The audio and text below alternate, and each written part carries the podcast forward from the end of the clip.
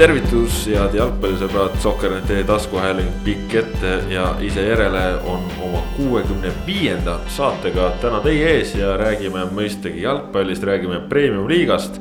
sellepärast, et mängitud on palju ja mängitakse nüüd uuel nädalal veelgi rohkem kõneainet, üllatavaid tulemusi poleemikat, mida ikka jalgpallis vaja on, kõike seda on jagunud ja loodetavasti jagub veel ka. minu nimi Kaspar Elissaar, täna siin minuga Kristjan Jaak Angur. tervist. ja Ott Järvela ka. tere. ja kui premium-liiga jutud meil räägitud saavad, siis olid ajad, olid mehed rubriigi raames. rändame saate lõpus ka kahe tuhande teise aasta MM-ile vaatame, mida sealt mäletame ja mis meil sealt äh, meelde on jäänud, sest äh, rahvusvaheline jalgpall küll tuleb äh, noh, ütleme üha jõulisemalt pildile. ja siin on juba vaata et pea kõik suured tippliigad saanud omal kuupäevad paika, millal mängima hakata, aga noh, kuni nad ei mängi, seni pole mõtet neist väga palju ka rääkida. ja Bundesliga-st pole ka enam mõtet rääkida pärast seda, kui Bayern eelmine teisipäev Borussiat üks-null võitis, seal on kõik selge täpselt nii, aga kus ei ole selge, on äh, asjad premium liigas, et äh, noh, oleks imelik ka, kui nelja vooru järel pilt oleks selge, aga, aga tõesti võiks isegi öelda, et päris äh, fantastiliselt ja üllatuslikult on, on kogu see jalgpall siin Eestis pärast seda pausi käima läinud ja neid äh, üllatavaid tulemusi tuleb ühte teistpidi ja.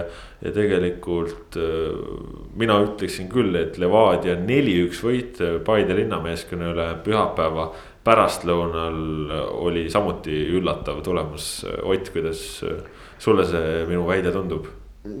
no selles mõttes ei ole nõus et. Äh, väga no, hea, kohe me, alguses. me ei saa, jah, kohe alguses pole nõus, et äh, kui me räägime siin nüüd ikkagi koroonajärgsetest üllatustest, siis äh, noh, Paide kaotus tulevikule, vot see oli üllatus. Flora Viik Tammekaga oli üllatus, Kalju kaotus Leegionile, üllatus, Tammeka kaotus Kalevile, selge üllatus. et need olid sellised tulemused, mis olid ikkagi noh, läbinisti ootamatud. See, et Levadia võidab Paidet, see ei ole ootamatu. no skoor me teame küll, et tegelikult ausalt ka jalgpallimängu skoor noh, võib kujuneda natukene ka juhuslike asjaolude pealt. et see noh, et see oli seekord kolmeväravaline ülekaal, noh Levadial asjad õnnestusid, Paidel üldse mitte.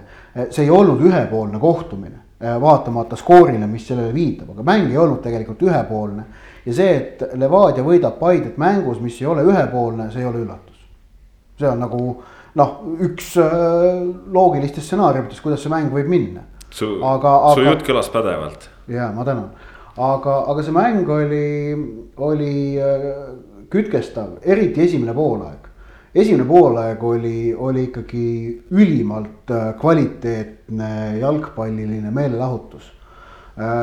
Levadia alustas paremini, neljandal minutil Manuccio löök läks latti, ma ei tea, kas seal Toom sai näpud vahele või mitte, ma korduse pealt täpselt ei saanud isegi aru ausalt öelda. vist, vist, vist sai igatahes. Okay., noh jah. jah, ja, ja kümnendal minutil noh, Kirss lõi supervärava, ma seda väravat iga kord, kui ma nüüd olen seda kordusest vaadanud, see värav muutub iga kordusega paremaks.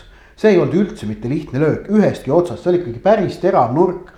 Tugev löök täpselt tagumise posti kõrvale, noh, ainuvõimalik variant sellest olukorrast. Värav lüüa, kasutas selle ära see oli, see oli noh, väga-väga kvaliteetne värav ühesõnaga siin kiire vahelepõige alates tänasest saab Soccernetis ka premium-liiga kuu parimat väravat valida. Ott Järvela soovitus Robert Kirss versus Paide, kas? vot ma ei ole, ma ei, mulle tuleb meelde, äkki on meil mõni midagi muud hea ka olnud, no tulevikuvärav no., esimene värav Paidele näiteks no,. mäletad Järvelaid ju Narvas ka? Ja Järvelaid Narvas oli super, aga tulevikuvärav, esimene värav Paidele, seal on see kombinatsiooni ilu. ja tegelikult see Riibergi löök ette risti, ega see no,. ei olnud ka lihtne. ei olnud kau-, jah, oli küll lähemalt sooritatud kui Järvelaiu oma, aga kui me võtame kogu selle kombinatsiooni nagu kokku, siis vaata, et äkki isegi too nagu on ju, ja see Kirsi värav on meil, on kandidaati sees või? Okei okay,, see on ka tubli. jääme, jääme selle juurde, ei hakka siin hindajaid mõjutama, et kõik viis on väga ilusad väravad ja väga erinevad, just nagu sa ütlesid, seal on kombinatsioon, seal on karistuslööke, seal on selliseid täpseid mm -hmm. skalpelliga nii-öelda nagu, nagu on ilus, ilus eestikeelne sõna, kliinilisi lõpetamisi nagu see Kirsi oma, et äh, valige, hääletage, nädal aega on aega.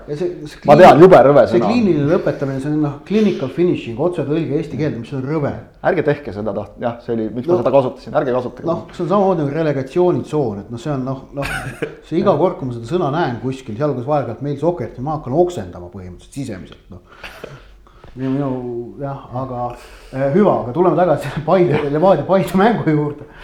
et, äh, et ja pärast Levadia juhtväravat, tõsi oli see, et Levadia nagu äh, noh, Martin Rein pärast mängu ütles ka, et, et liiga vara läksime juhtima. ja, ja see mõjutas tegelikult, pani üle esimesele poolele templi, Levadia eluseisus võttis natukene jala gaasi pealt ära ja see tähendas, et Paide sai selle gaasi enda kätte ja vajutas põhja ja vajutas tegelikult ikka vinge vurri peale sinna Levadia väravale. ma vaatasin hiljem oma märkmeid, et mul on kombeks see, et kui ma noh mängu kajastan ja märkmed, ma ikkagi ütleme sellised.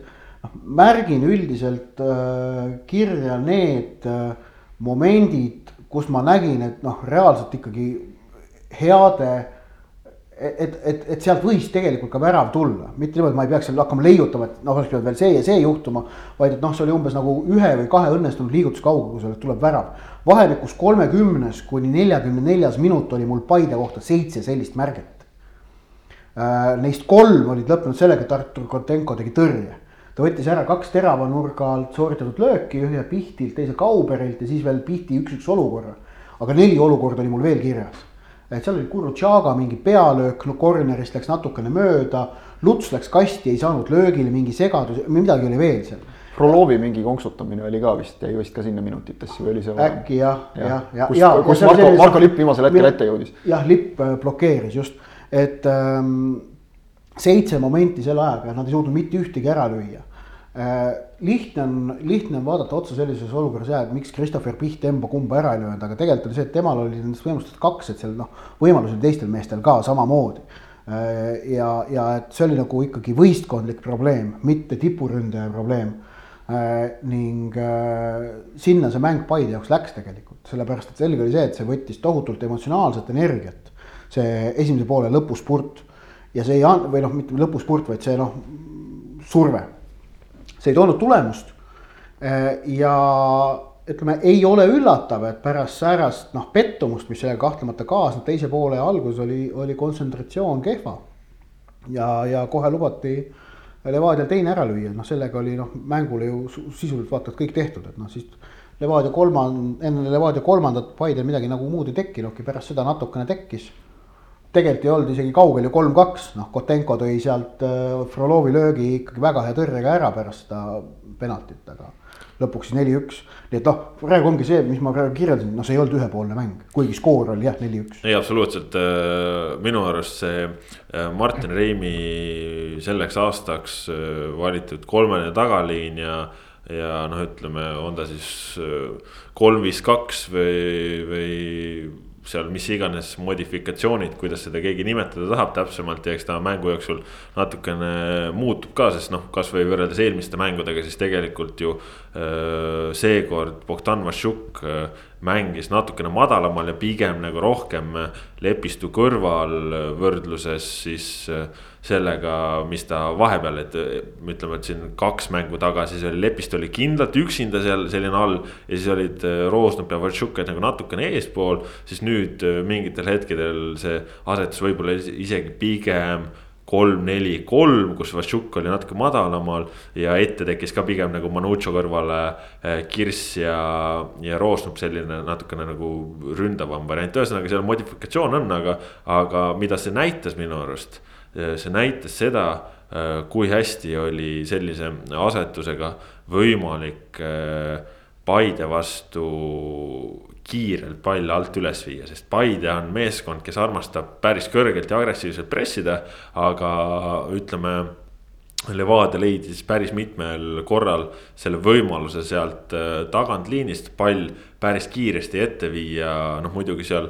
Manucho oma palli katmise oskusega aitas ka kõvasti kaasa, aga see nagu toimis. ja teistpidi me nägime selle asetuse haavatust, kasvõi seal äh, esimese poole lõpus, kui oligi Paidel tekkis ridamisi võimalusi, et selles mõttes ka nagu taktikaliselt äh, päris huvitav andmine ärme muidugi seda ärme unustame, et äh, päris mitu Paide võimalust tekkisid ka lihtsalt äh, Levadia kaitsjate sellisest noh, individuaalsest e, e konkreetselt Maksim Podoljuzini individu-, individuaalsetest eksimustest, korra astus liinist äh, vastu, noh, kaugel oli näha, et ta ei jõua selle pallini ja täpselt mängitigi söödukodast mööda.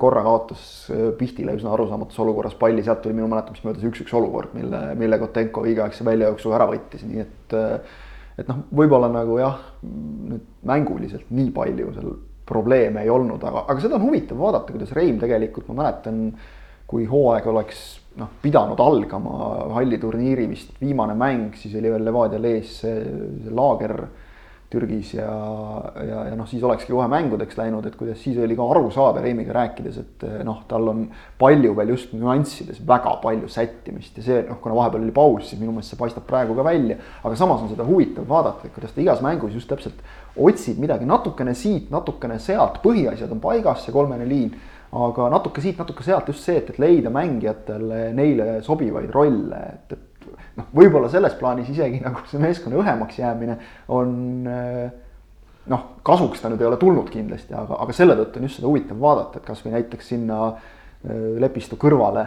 mingisse rolli kellegi mahutamine või kus Lepistu täpselt on, millised ta ülesanded on, et, et seda, seda, seda on huvitav vaadata ja Levadia mängib sellist eh, põnevat vutti sel hooajal, seda võib küll kindlalt juba öelda. Põnev on ka see, mis seal ikkagi keskkaitses toimuma hakkab, sest et kolmele kohale on neli kandidaati ja hetkel on kõik nagu mänguvalmis ja, ja terved.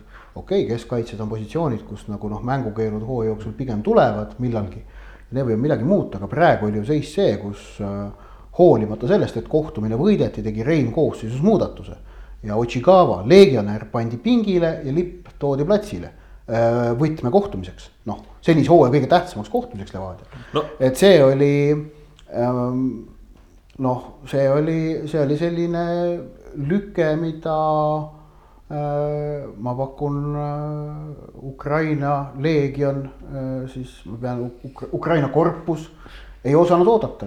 jaa. kahtlemata ei, ei tasu arvata, et noh, et Levadia ukrainlased omavahel natukene tihedamalt ei suhtle, ma usun ikka suhtlevad. ei, absoluutselt, aga no ütleme siin ka, sa mainisid, neli keskkaitset, siis tegelikult see, et Reim on läinud kolme keskkaitse ühes mängus kasutamise peale, siis tegelikult ju olemegi saanud näha siin. ütleme väikest äh, rotatsiooni, noh kasvõi Safronov oli punase kaardiga väljas, seal ka jälle. jälle kohad olid ümber mängitud, et selles mõttes noh, nagu Reim on ka ju ise korduvalt toonitanud, siis ta mängib sellise asetusega, sest selle jaoks on tal mehi ja ütlen hooaja alguses kui, kui selgus, et nad võtavad omale veel sinna ühe ukrainlase juurde, kumb see viimasena tuli, Safronov tuligi vist, et Otšigava oli juba enne tehtud.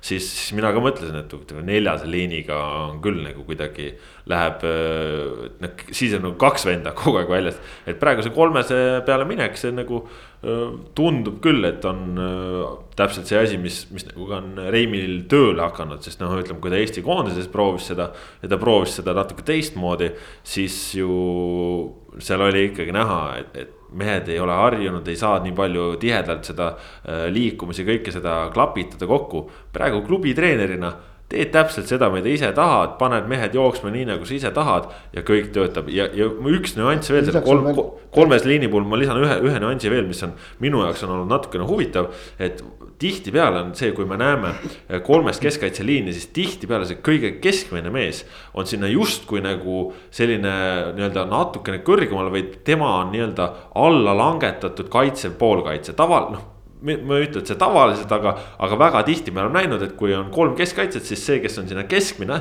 et tema on nii-öelda alla vajuv ja, ja vajadusel astub mõned sammud kõrgemale, siis Levadia puhul mängi, mängitakse ju sedasi. et Podoljuzin on see keskmine ja Podoljuzin on alati kõige alumine. ehk siis ta on äh, sisuliselt midagi nagu liberalaatset, kuna ta on ülikiire ja nii. siis ongi, et see kolmene liin ei ole noh, ütleme siis nagu püramiidi kujuga, äh, vaid pigem nagu V-tähe kujuga, mis on minu minu jaoks lihtsalt. mitte, mitte kaks-üks, vaid üks-kaks, eks ole, värava poolt vaadates. jah, jah, et mis on minu jaoks lihtsalt ka nagu väga huvitav nüanss ja, ja mulle tundub, et Reim on äh, sellega hästi ära tabanud, sest Podeljužini ütleme, kiirust annab seal väga hästi kasutada, et, et siis sellise asetusega paremini ka mängu üles ehitada. no minu poolt nüüd kõik. lisaks veel äärekaitsjad on ka sobivad selle äh, süsteemi mängimiseks ehk et äh, kolmik Dmitri Krugulov, Markus Jürgenson, Trevor Elchi.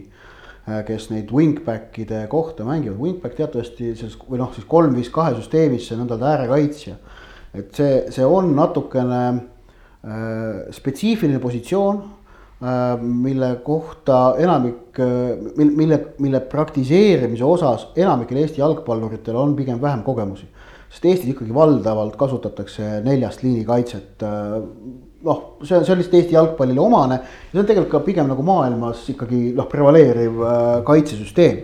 Äh, et, et mängida nende tõusvate ääre, äärtega kolm, viis, kahte on sul vaja sinna jah kogenud mehi, kes nagu on, mängivad nutikalt tegelikult, see, see positsioon nõuab nagu tarkust ja tarmukust ja Kruglov, Jürgenson, Elhi, kõik väga kogenud mängijad on kahtlemata selle jaoks äh, sobivad, äh, sobivad mehed. no Kruglovi hooaja algus on olnud äh, totaalselt vaimustav, ei oleks isegi osanud oodata, et ta sedavõrd heas hoos kohe siin kohe siin minnes on. no mind see ei üllata, ausalt no, öelda, ma, ma pigem arvan, et noh. selle nurga alt, kui. Kruglovil on see, et kui tal on, kui tal on tervis korras ja füüsiline vorm hea siis ta mängibki väga hästi. ja ta on nõus, lihtsalt oligi, et esimeses voorus, kui ta ei saanud tervislikel põhjustel kaasa teha. Jürgenson äh, Elchi mängis, et tundus vau, et äh, need vennad on päris head ja siis tuli Kruglov ja kõik läks nagu veel palju paremaks, nii et selle üle on ainult hea meel. ja ärme unustame seda, et Kruglov on ju mänginud oma karjääri jooksul päris palju ka tegelikult mitte ainult puhast, puhast vasakut. et, tal on selle jaoks kõik meeletult, just selleks wingback'i rolliks, tal on täpselt need, mida Ott kirjeldas, kõik need vajalikud omadused, oskused, kogemused olemas. ning noh, tema vasak jalg, et, et Martin Reim veel kaks aastat tagasi koondise peatreenerina ütles, et nii head vasakut jalga Eestis kellelgi teisel ei ole, et pallide tsenderdamisel just ja noh, see see Oleme kvaliteet, see kvaliteet on Kruglovil jätkuvalt olemas, jah. Et see ei kao ka kuskile, selles mõttes see on. see, see väljendub just selles, eks ole, et sa ei vaja kasvõi mingit ettevalmistavat puudet äh, senderduse andmiseks, et, et noh, see ongi see, et vaatad nagu teisi mehi, tundub, et saavad ka päris hästi hakkama. aga kui sa vaatad Kruglovi, kuidas ta on võimeline esimese puute pealt andma palle oht, ohtlikusse tsooni, siis noh, see on täiesti teine valik. nii, Levadiast saime räägitud, aga, aga Paidest ka natukene noh, nagu ka Slava Zahoiko ütles, nendel on seda head tulemust vaja, et, et meestele anda see eneseusk tagasi, et nad teevad õiget asja. noh. no selle tõmbas loomulikult see tulevikumäng, lõi selle kõikuma kohe alustuseks, et, et noh, alustad siukse suure hurraaga, mõtled, et paneme edasi. ja, ja siis kohe selline sammukas külma vett, et äh, seda me nägime eelmisel aastal ka, et, et Paidel kui jooksis hästi, siis jooksis hästi ja kui ei, siis, siis võis longata tegelikult päris, päris kõvasti nagu, et. Äh, Paide puhul jube palju tahetakse rääkida, Ott seda teemat juba puudutas ikka sellest KTM-ist ja kuidas ei saa nagu parimaid väljakule panna, et noh, teisest küljest on see, et, et ega kuidas see Christopher Piht nagu arenema peaks, kui talle võimalusi ei anta, et äh, juba kasvõi see, et ta neid võimalusi tekitas endale, ärme unustame seda, et Piht on ikkagi premium-liiga seisukohalt nagu väga vähese kogemusega mängija endiselt veel. Vigastuste tõttu eelmisest hooajast ennekõike, et äh, et noh, minule jättis isiklikult tema partii pigem sümpaatse mulje, et, et kui, kui ma nagu näen, et noor ründaja teeb tööd ja ja püüab ja, ja ta, ta on nagu õigel ajal õiges kohas ja talle tekivad võimalused. See puusanõks, kuidas ta Podholjuzini üle mängis ja endale selle üks-üks olukorra tekitas, mille Kotenko lihtsalt noh, suutis õigeaegse väljatulekuga noh, ära nullida see oli ikka üliefektne, see oli, see oli, see oli meister. minu meelest Pihtil on ennekõike sellist noh, ründaja vaistu, nina. see ilmnes juba siis, kui ta tuli premium-liigasse, tegi oma esimesi mänge seal, juba siis oli näha, et. et see, see on selline asi, mida minu meelest noh, seda võib arendada, aga seda ei ole võimalik õppida, see sul kas on või ei ole no Selles ajas läheb ikka paremaks, aga, aga nõus jah. ei muidugi, aga noh, kogemused tulevad juurde, siis loomulikult läheb see külg ka just paremaks, aga, aga kui sul seda nagu üldse ei ole, siis seda nagu nullist ehitada on võimatu, Pihtil on see minu meelest olemas. ja, ja noh, see, et, et saaks Lubega alustada, et küll ta siis lööks, aga me ju ei tea. Piht väsitab neid Podoljuz'ineid ja kõiki muid mehi seal ka teinekord, kas, kas nelikümmend viis minutit või kuuskümmend minutit või kauemgi, et. et siis muidugi värsk tuleb värske Lubega ja, ja siis nagu ta eilegi jäi, jääb vabaks ja saab kääre lüüa, eks ole, tühja koha pealt, et, et siis muidugi tekivad sellised olukorrad, et noh, see on kõik selline oleks-poleks, kui ja nii edasi. aga no, mis aga... mõte on meil vaielda reeglite üle, mis on, no, mis on olemas, teada seitse-kaheksa aastat Just. juba olnud ja. seda enam, et Zahovaiko ja... ise sel aastal ei ole ka selle taha pugenud. ja nad, nad jäävad siin. Äh, kes nad..., ma ütleksin ära, et kes, kes, kelle puudumine selles mõttes võib-olla kõige rohkem nagu silma torkas ja see ei ole nüüd otseselt selle KTM reegliga absoluutselt seotud.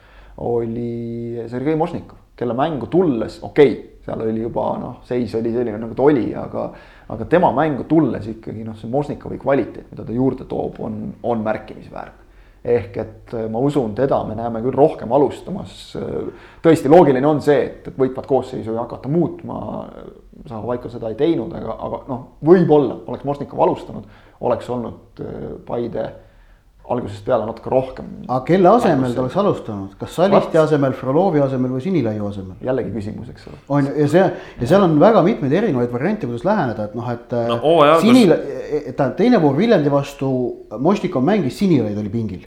aga hooaja, hooaja alguses äh, oli siis, oli Frolov palju. ja täitsa esimest vooru ma ei pea enam absoluutselt meistrivõistluste osaks, ma möönan, et sealt punktid on kirjas, aga need mängud, mis toona peeti neist mingeid järeldusi teha praegu on täiesti mõttetu. seda küll, aga lihtsalt see, kui talve läbi või ütleme, talvel me nägime, kuidas Slava Zahvaiko proovis Mošnikovi kasutada number kuue koha peal. siis ilmselgelt see andis mingisuguse kammertooni, et samasugune plaan võib olla tal ka hooaja jooksul ja see tõenäoliselt ka koroona ajal ei peaks nagu muutuma no,. aga noh, tõsi on see, et nüüd oli, oligi sini, sinilaid on nüüd kaks korda olnud, olnud ise. Viljandi vastu mängis, seal läks mäng noh, tervel võistkonnal untsu, tehti vahetus, toodi Kuressaare mänguks, äh, mis toimus ka Paide sellel künklikul murul Sinilaid.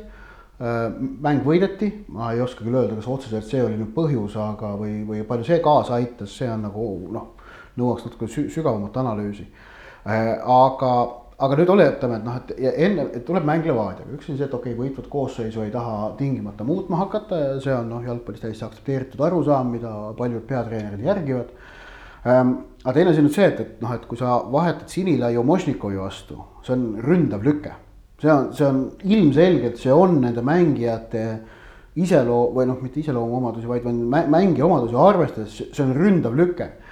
ja nüüd on see, et kas sa julged selle ründava lükke teha enne mängu Levadiaga äh, kusjuures sa tead, et äh, sinu keskkaitsjad äh, vajavad ilmselt kõigi eelduskohast ikkagi keskväljalt abi, sellepärast noh, Manuccio on säärane noh, paras pähkel ja ta oligi paras pähkel Kurutšaga ja Kase jaoks. Äh, ja Kirss ka kusjuures, nii et, et, et see noh, see on selline malemäng, mida treenerid tegelikult oma peades ju enne äh, kohtumisi mängivad, et, et noh, püüavad eeldada, mis siis võiks juhtuma hakata äh,. ja nüüd on huvitav näha, et kas, kas äh, kolmapäeval, kui mängib Paide Floraga, aga mängib siis kodus ehk et jällegi Paide murul, loodame, et see nüüd kahe nädalaga paremaks läinud, ilmselt on. aga noh, ideaalist on ta jätkuvalt väga kaugel ja see tähendab, et selle mängu iseloom on teistsugune. et kas selleks Zahhovaiko plaanib mingit muudatust või mitte, mina ise pakun, et mitte ja tähendab, muudatus võib olla sellega, et Mošnikov võib sisse tulla, aga ma arvan, et Sinilaid jääb koosseisu. oma noh, võitluslikkust pakkuma sinna keskvälja põhja.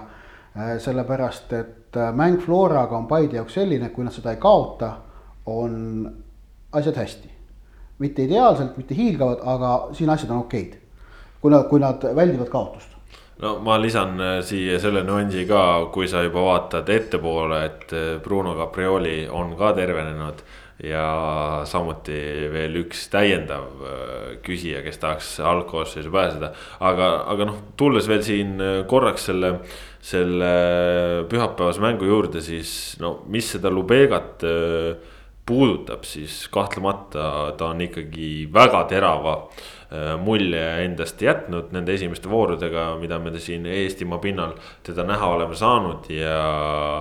ja noh, ütleme mina mõtlesin ka seda matši vaadates, et et kas nüüd ütleme, et ongi, et kui Slava selline esimene valik kohe oleks Lubega, et siis noh, ma nagu ootasin, et esimese poole järel tuleb vahetus. et Lubega tuleb sisse, nii nagu ta tuli voor varem ja, ja, ja läheb mäng nii edasi, aga aga Zahhovaiko tegi selle Piht Lubega vahetuse alles seal noh, ma ei tea, vist viisteist minutit hiljem suurusjärgus, ma nüüd peast ei mäleta, aga umbes. enne kuuekümnendat natuke. kuskil jah sedasi, et see, et noh, ütleme, et kui Pihtis ei oleks üldse sobinud äh, Zahhovaikol, siis tõenäoliselt jah, see vahetuse saab ju noh piltlikult öeldes ka esimesel minutil. ja no need ei olnud ju sellised võimalused, mis Pihtil olid umbes, et vaata, kus jättis tühjast väravast või tühja väravasse palli löömata, et noh, Tenko tõrjus hästi lihtsalt. aga, aga tõesti jah, huvitav oleks, huvitav oleks äh, näha Lubegat ka algkoosseisu, aga, aga tõesti siin öö, ütleme, et Paidel, kui mehed on nüüd terved, siis seda koosseisu sügavust on päris, päris palju. ja noh, selle nurga alt ikkagi on väga huvitav näha, et mis nad nüüd just selle tulemuse pealt välja mõtlevad, et kuidas nad veelgi enam palliga mängima, mängiva arvastava Flora äh, kolmapäeval siis kuidagi lukku kavatsevad panna, et seda saame näha, aga räägime siis üllatustest ka, mis olid nagu päriselt üllatused, äh, FC Kuressaare jäi kodus Narva Transi vastu null kaks kaotusseisus, see kahtlemata ei olnud nii suur üllatus. küll aga oli üllatus see, et Kuressaare äh, väljus matšist võitjana kolm-kaks, kolm punkti tabelisse kirja ja, ja Trans jäi tühjade pihkudega. jah, Trans on ühe punkti peal praegu tabelis, viimane vist, kui ma ei eksi. no jah, jah, nii vähe pole keegi ju saanud jah. ei ole kiita, ütleme niimoodi. aga, aga noh, nii palju, kui tunnistan ausalt, seda mängu sain nagu vähe vaadata, aga kõikide asjaosaliste kommentaarid sinna otsa olid ka sellised, et noh, ise oleme süüdi. ehk et äh, Kuressaare tabas selle ära, et Transi kaitsjate vastu on võimalik joosta, noh, ütleme selleks ei olnud vaja teha väga palju muud, kui vaadata voor varasemat mängu Flora Trans. kus see oli hästi näha, et, et kui, kui Trans oma liini kõrgele toob ja, ja seal nagu jooksma saad ja, ja Kuressaarel neid noori poisse selle eesotsas Otto Robert Lipuga on, kes joosta jõuavad ja oskavad, noh, Sander Lahte me teame ka, et, et ta, ta oskab sellisel ei ole aeglane ja ta oskab sellisel puhul väga hästi nagu seda positsiooni valida just, et, et tõmmata need kaitsed laiali ja, ja liikuda ise vajadusel äärele, et, et noh, ta mängib nagu tõesti nii-öelda küljejoonest küljejooneni vajadusel. et, et see, seda tegi, tegi Kuressaare väga targalt ja, ja noh, ütleme mis mind nagu vähemalt pärast mängu veidike muigama pani, oli see, et äh, ega küsimust Tšenkosjanile ei esitanudki keegi, et äh, oled sa nii-öelda oma, oma ametis või noh, oma kohas kindel, et sind vallandama ei hakata, vaid ta võttis selle kohe ise jutuks. et esimese asjana võiks muidugi kohe öelda, et noh, mees teab, kus ta on. ehk et me teame, et Narvas treenerivahetused käivad teinekord veidi kiiremini kui mujal. teisalt äh, hakkasin mõtlema selle peale, et tegemist on ikkagi türklasega ja siis huvi pärast vaatasin korraks, et, et kuidas Türgi liigas seal, kus nüüd ka muidugi mängud koroona tõttu pooleli jäid, et kuidas seal enne seda nende treenerivahetustega on selle hooaja jooksul on Türgi liigas treenereid vahetatud kõrgliigas siis äh, vahetusi kokku on olnud kakskümmend, pluss veel üle kümne, mis tehti enne hooaja algust. ja kaheksateistkümnest klubist. kakskümmend hooaja sees. hooaja sees, mhm. kaksteist oli vist enne hooaja algust, okei okay,, seal on sees mõned üksikud sellised äh, noh, ajutised peatreenerid ja, ja nii edasi, aga noh, mõni mees on saanud seal terve kuu aega ametis olla ja nii edasi ja. ja kusjuures huvitav on vaadata, et need nimed korduvad, et äh, karussell nii-öelda käib liiga sees väga kõva, et, et ega Türgi liigas, kas vist. Robert Prosinetški oli üks väl-, välismaalasest peatreener ja kellelgi oli veel keegi, kas Rumeeniast, et üldiselt seal on ikkagi türklased, see on see oma punt ja noh, niimoodi nad seal vahetavad, karussell käib kogu aeg. kaheksateistkümnest kõrgliiga meeskonnast kolmteist on vahetanud selle hooaja sees peatreenerit kaasa arvatud, et noh, alumised niikuinii tipud, kõik igasugused, liider on vahetanud seal ja noh, kõik. et ühesõnaga seal kultuuris see lihtsalt on niivõrd loomulik osa, et, et ma arvan, et iga kaotatud mängu järel on esimene mõte, et noh, panen igaks juhuks kodus ukse kõrvale kohvri valmis, et kui minek on, siis on hea võtta aga noh, ma ei usu muidugi nüüd. no ei taha uskuda, Transi ja. mängupilt on ikkagi olnud see. seal on alles isegi... teist korda ka Eestis, nii et noh, siin jõuab veel, eks ole. aga, aga tegelikult mängupilt ei ole nagu hull olnud, seal on vaja saada. mitte ei ole hull olnud, vaid on olnud äh, hea, lausa hea, ütleks. lausa hea jah, et noh, tegelikult Flora vastu oli ju nii, et äh, noh vähemalt punkti oldi väärt ja, ja, ja võib-olla isegi teatud mingeid aspekte vaadates mängust oleks Trans väärinud isegi võitu sellest kohtumisest, et ütleme, pigem oli seal mängus oli see, et Flora pääses. et, et nad nüüd Kuressaare vastu niimoodi endale ise jalga tulistasid suuresti, noh. neutraalsete vaatajatena jälle ainult hea meel selle üle, sellepärast et, vot tõesti see mäng näitas nüüd ära, et tõepoolest kõik kõiki, kõik on täiesti võimalik. Et, et see, see, see teeb ikka, ikka liiga praegu väga vingeks ja, ja Kuressaare seisukohast hea, et nad need silmad pähe said, sest muidu oleks võinud neid hakata see natukene nagu vajutama. aga noh, mida me nägime eelmisel hooajal juba Kaljus, et, et Roman Kožuhovski oskus oma materjalist võtta välja maksimum see teeb ta ikka väga heaks treeneriks, see, see, see on tal ikka üks, üks selgeid trumpe. null kaks kaotusseisust tõusta kolm-kaks võidule, see noh, näitab alati ka treeneri kõrget taset ja, ja pilotaaži. nii saad... üldist kui ka konkreetse ja. kohtumise lõikes et noh, kui sul oleks, ütleme tõesti mingi supersats, eks ole, need jäävad outsider'i vastu, siis mehed teevad individuaalse pealt ära. kui Flora tuleb ta Kalevi vastu null kahe pealt ja. välja ja võidab kolm-kaks, see ei ole noh, treeneri võit on ju. Kozlovski see... käekiri on minu meelest selline, et ta rõhub üsna konkreetsetele asjadele, lihtsatele asjadele tegelikult. Nende täitmist ta nõuab noh, suhteliselt punktuaalse täpsusega. Ja mängijad teavad, mida neilt tahetakse. see on kõige tähtsam. minu meelest juba praegu on premium liigas olnud päris mitu sellist mängu. plaan näed, on selge alati on ju. plaan on selge jah, plaan on olemas ja ta on selge, ta on suhteliselt lihtne kusjuures. aga lihtsad asjad ongi tihti geniaalsed, et minu meelest ma olen päris palju mänge juba praegu näinud, kus mängijatel on nagu kerge segadus, et mida see treener meist nagu täpselt tahab hooaja alguses tegelikult no, täiesti loomulik. Narva Trans on selle kohta kohati nagu on näide ja kohati ei ole, et noh, Trans on natuke see ja Hyde, et noh, Flora vastu. Noh, no ei ole ette heita midagi Transi partiile, mängus Floraga. välja arvatud tõesti see, et Nikita Savenkov on nii kuradi aeglane, et noh, see on isegi Vladimir Avilov kahvatub tema kõrval on ju. et, et et noh, no ei ole midagi parata. ja, ja see tegelikult Transile tolles mängus saatuslikuks saigi ja noh, see, et Roman Nesterovski on, on äh, ei ole ka kõige kiirem, noh, see on nagu teada, aga ongi see, et kui sul kaks niivõrd aeglast keskkaitsjat on. Või kui, sul, tähendab, kui sul keskkaitses ikkagi kiirust üldse ei ole, siis sa oledki sealt väga-väga haavatav. ning äh, noh, Ofosu no. Apiahi naasmine ei ole nagu see ei ole kaugel õnneks. no tähendab, Trans ei jõua seda ära oodata ja ma olen väga veendunud, kui, kui nagu Savenkovi asemel mängib seal Abijah. noh, see, see, see, see võib, see võib Transi mängu ikkagi noh, täiesti tohutult mu muuta. Äh, noh, näiteid, kus ühe mängija puudumine või lisandumine äh, premium liigas ühte võistkonda niivõrd palju mõjutaks, ma arvan, neid on leida keeruline kui Abiyah ja Trans praegu. sellepärast, et äh, noh, kui me mäletame seda, seda karikamängu, kui äh, Trans võitis Kaljut ja ka superkarikat, kus nad andsid Florale no igati südika lahengu, lahingu, siis no Abiyahi roll oli kandev ja mitte niivõrd väga isegi kaitsetegevuses, aga ka just nimelt ründetegevuses, kuidas tema kaudu see mäng ikkagi käis ehk et noh, ta on tegelikult selle võistkonna nurgakiviks üles ehitatud ja üks asi veel, et noh, et ja ma ütlesin Savenkov ja Nesterovski tegelikult noh. Irje on samamoodi praegu ikkagi täiesti liimist lahti olnud, täiesti liimist lahti. jah, ta on äh, selle võistkonna noh, selline liider ja tema need liidriomadused ja võitluslikkus ei ole kadunud. aga ta teeb praegu lihtsalt liiga palju praaki, et seda ei saa nagu lubada sellel positsioonil, viimase poolikuna eriti. ja Iri vormi jõudmine on seda olulisem, et Äh, Deniss Poljakov, noh ilmselt sel hooajal ei. pigem, hooaeg on läbi. pigem ei tule tagasi, eks ole, et, et mingi meditsiiniline ime peab juhtuma. ennem kui see, ennem kui see noh, kinnitus Poljakovi kohta oli, mul eelmine nädal selle Ramadani loo jaoks ma Oskaniga ajasin juttu ja telefonis ta niisama ütles ka, et.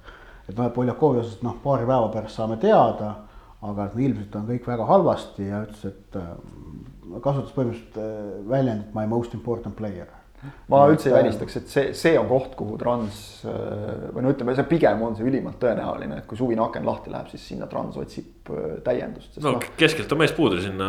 Siin, sinna ei ole mitte kedagi panna. siin, siin on lihtsalt vaja, aga, aga mulle jäi selle matši juures see ka veel silma, et kui enne mängu Transi mehed rääkisid, et nemad on on Kuressaare mängus avastanud äh, nõrgad kohad ja kahtlemata nad neid ka mingitel hetkedel kasutasid, sest nad lõid kaks väravat. siis noh, kokkuvõttes ikkagi Kuressaarele oma väravad äh, täpselt Transi nõrkuste pealt, nii et äh, Transil tööd jagub, aga. no ja üks faktor veel on see, et, et Andres Vaikla võeti, võeti pingile, pandi Matrossov väravasse ja vähemalt ühe palli ikkagi üsna selgelt Matrossov ka pudistas sisse, nii et, et ega selles mõttes Strani praegu ei kadesta, et tal on ikka päris, päris mitmes liinis ja positsioonis on nagu kõvasti, kõvasti. aga samas nagu midagi kapitaalset. ja paistab, et see pall ikka oli sees, sellepärast et keegi protesteerima ei hakanud, et ei olnud. Kuigi noh, see oli no, ei... suht napilt joone peal. ta ise üle. nagu ka eriti ei protesteerinud, see näitab nagu hästi ära, et said aru küll, et nüüd läks halvasti. samas, samas endiselt, et äh, Trans tabelis ühe punkti peale, aga ma mõtlen mänguliselt midagi nagu no nii katastroofilist ei ole. ei, ei, ei kindlasti. et noh, Savenko ka, ta võib olla aeglane, aga ta on tegelikult mingites momentides ka tubli olnud. see, kuidas jalgpalli detailid äh, määravad. Äh, esimene voor, noh, see märtsikuine esimene voor, Kaljuga null-üks kaotus. no me teame, et kohtunikud eksisid seal Kalju kasuks. Trans lõi värava, pall oli üle joone, selle kohta on fototõestus olemas, aga seda ei fikseeritud. nii et punkt sealt juurde, noh, Flora vastu Järvelaid lööb äh, mitte postipõrkest sisse, vaid postipõrkest mööda, sealt punkt olemas. ja noh, noh niimoodi saabki kokku arvutada kõiki neid asju, noh Kalevi vastu ma saan aru, ma seda mängu ei vaadanud, see üks-üks mäng, aga ma saan aru, et noh, Trans oli totaalselt üle. see oli Transi mäng jah. ja, ja Kalev lõi penaltist. jah, et noh, arvuta, arvuta niimoodi ja siis sa võid, noh, Transil võiks siin olla selle ühe asemel kaheksa punkti noh. Jah, aga. jube hea lihtne, eks ole. on ju just. rääkides nüanssidest, Ott siis Leegioni ja Tammeka mäng pakkus ka vist nüansside muudatust, arvestades, et Leegion oli eelnevas voorus suutnud võita Nõmme Kaljut ja Tartu Tammeka oli eelnevas voorus suutnud kaotada Tallinna Kalevile, siis nüüd kuidagi need nüansid, mis toona toimisid, nüüd olid kuidagi ringi pööratud ja, ja Tammeka sai võidu kätte. Jah, Tammeka, Tammeka sai võidu kätte minu meelest teenitult, et, et Tammeka vääris selles mängus võitu, nende see lõppteravus ja lõppkvaliteet oli Leegioni omast parem ning kaitse oli piisavalt kindel. sellepärast, et jah, Leegionil oli äh, esimese poole ja teises pooles kaks head võimalust ja teisel poolel äh, selline mänguline ülekaal aga Karl-Juhan Pehter Tammeka väravas ei pidanud terve kohtumise jooksul tegema ühtegi sellist tõsiselt, tõsist tõrjet, mitte ühtegi. ja noh, see näitab, et siis, siis ei saa olla pretensioone, et miks me seda mängu, miks me siit mängust punkte ei saanud. Äh, Deniss Belov, peatreener Leegionil möönis ka pärast mängu, et see ebastabiilsus on nende jaoks probleem. Ja see, see on loogiline, et Leegion ongi tegelikult ebastabiilne, kas nii ühe mängu sees, mängude lõikes ebastabiilsus on tegelikult selles võistkonnas ka natuke komplekteerimises sees, et seal see, see võistkond on väga nagu kirjudest tükkidest ju kokku pandud tegelikult. ja et kakssada premium-liiga mängu versus äh, kuueteistaastane pole varem mänginud a la. jah, või kahekümne kuue aastane ründaja, kes teeb oma esimesi mänge premium-liigas nagu Marek Šatov on ju.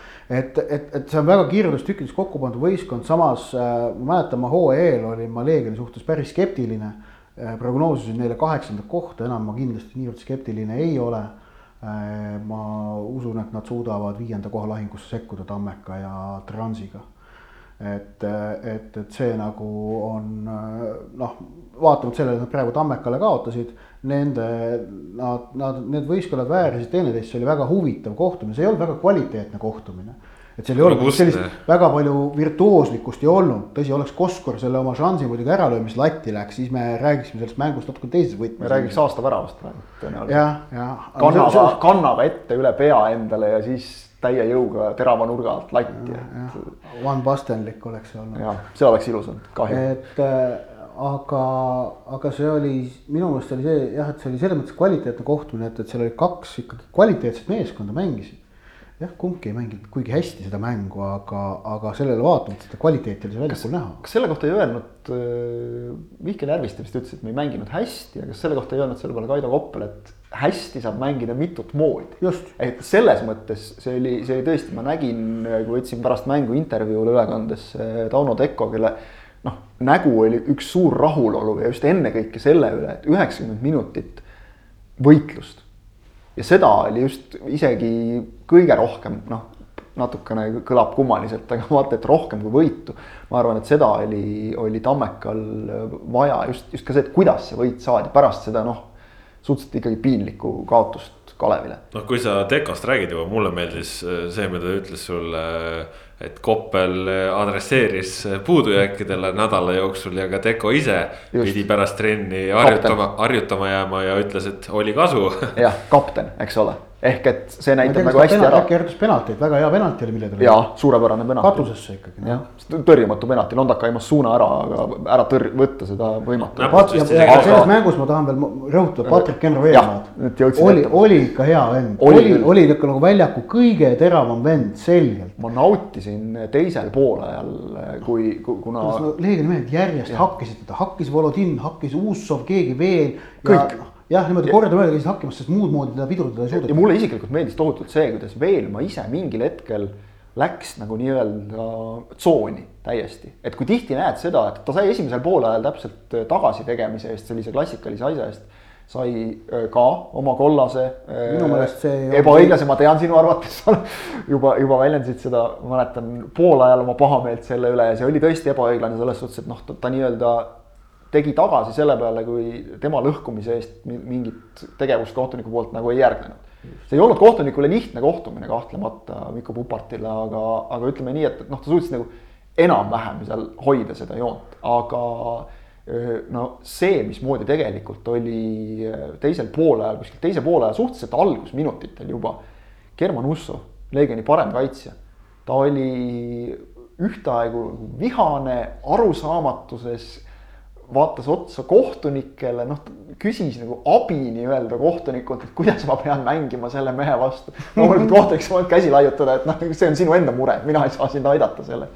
sest et Veelmaa läks nagu nii-öelda ilmselt teades ka, et tal on kollane all, distsipliini hoides, selles mõttes nagu täiesti tsooni, temal oli täiesti ükskõik, kui palju teda maha tõmmati.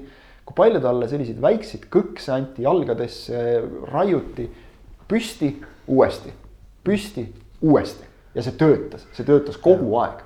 ehk et äh, selline ühe mängija lakkamatu soov ja valmisolek lihtsalt anda endast kõike, kusjuures sellega tegelikult paistsid silma minu meelest väga paljud Tammeka mängijad, noh peaaegu vist võib öelda, kõik ka näiteks Koskor, keda on mingil põhjusel tohutult palju kirutud, et, et see Koskor, kes tuli välismaalt tagasi, et see, see pole üldse see Koskor enam, et noh, ei oska enam mängida palliga jah, on teatavat ebakindlust näha, selles mõttes mul ongi kahju ka tema enda pärast, et see löök tal sisse ei läinud. sellised asjad tihti annavad ründajale niimoodi sõrmenipsust enesekindluse järsku, et oh, tuli välja ja hakkab tegema ja hakkavad asjad kuidagimoodi õnnestuma. aga see, mismoodi Voskor tegi terve selle mängu jooksul ees musta tööd. Tammeka mänguplaan nägi ette, et kõrgelt pressitakse.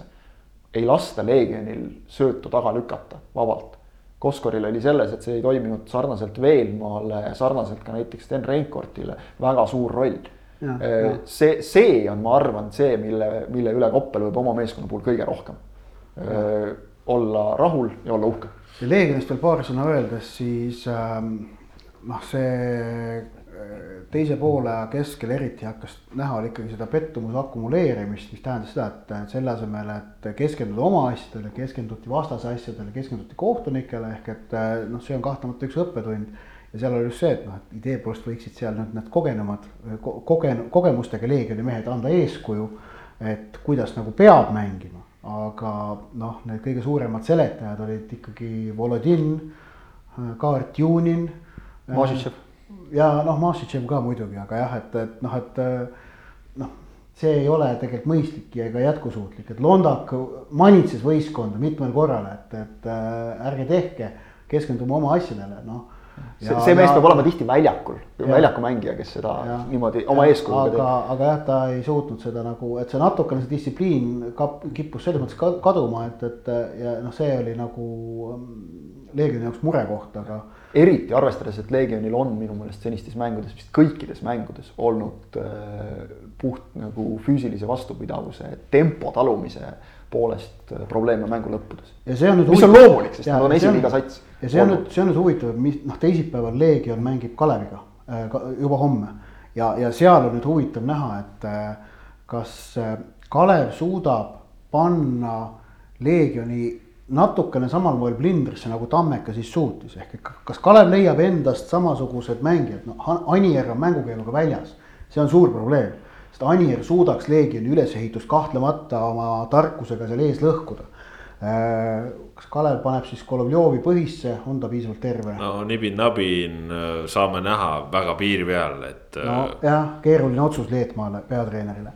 et, et, et see on üks asi, teine asi see, et kas äh, Kalev proovib hakata Leegionit äh,, Leegioni distsipliini niimoodi, kuidas öelda, diriteerima, nagu Karlsson tegi Majasokuga.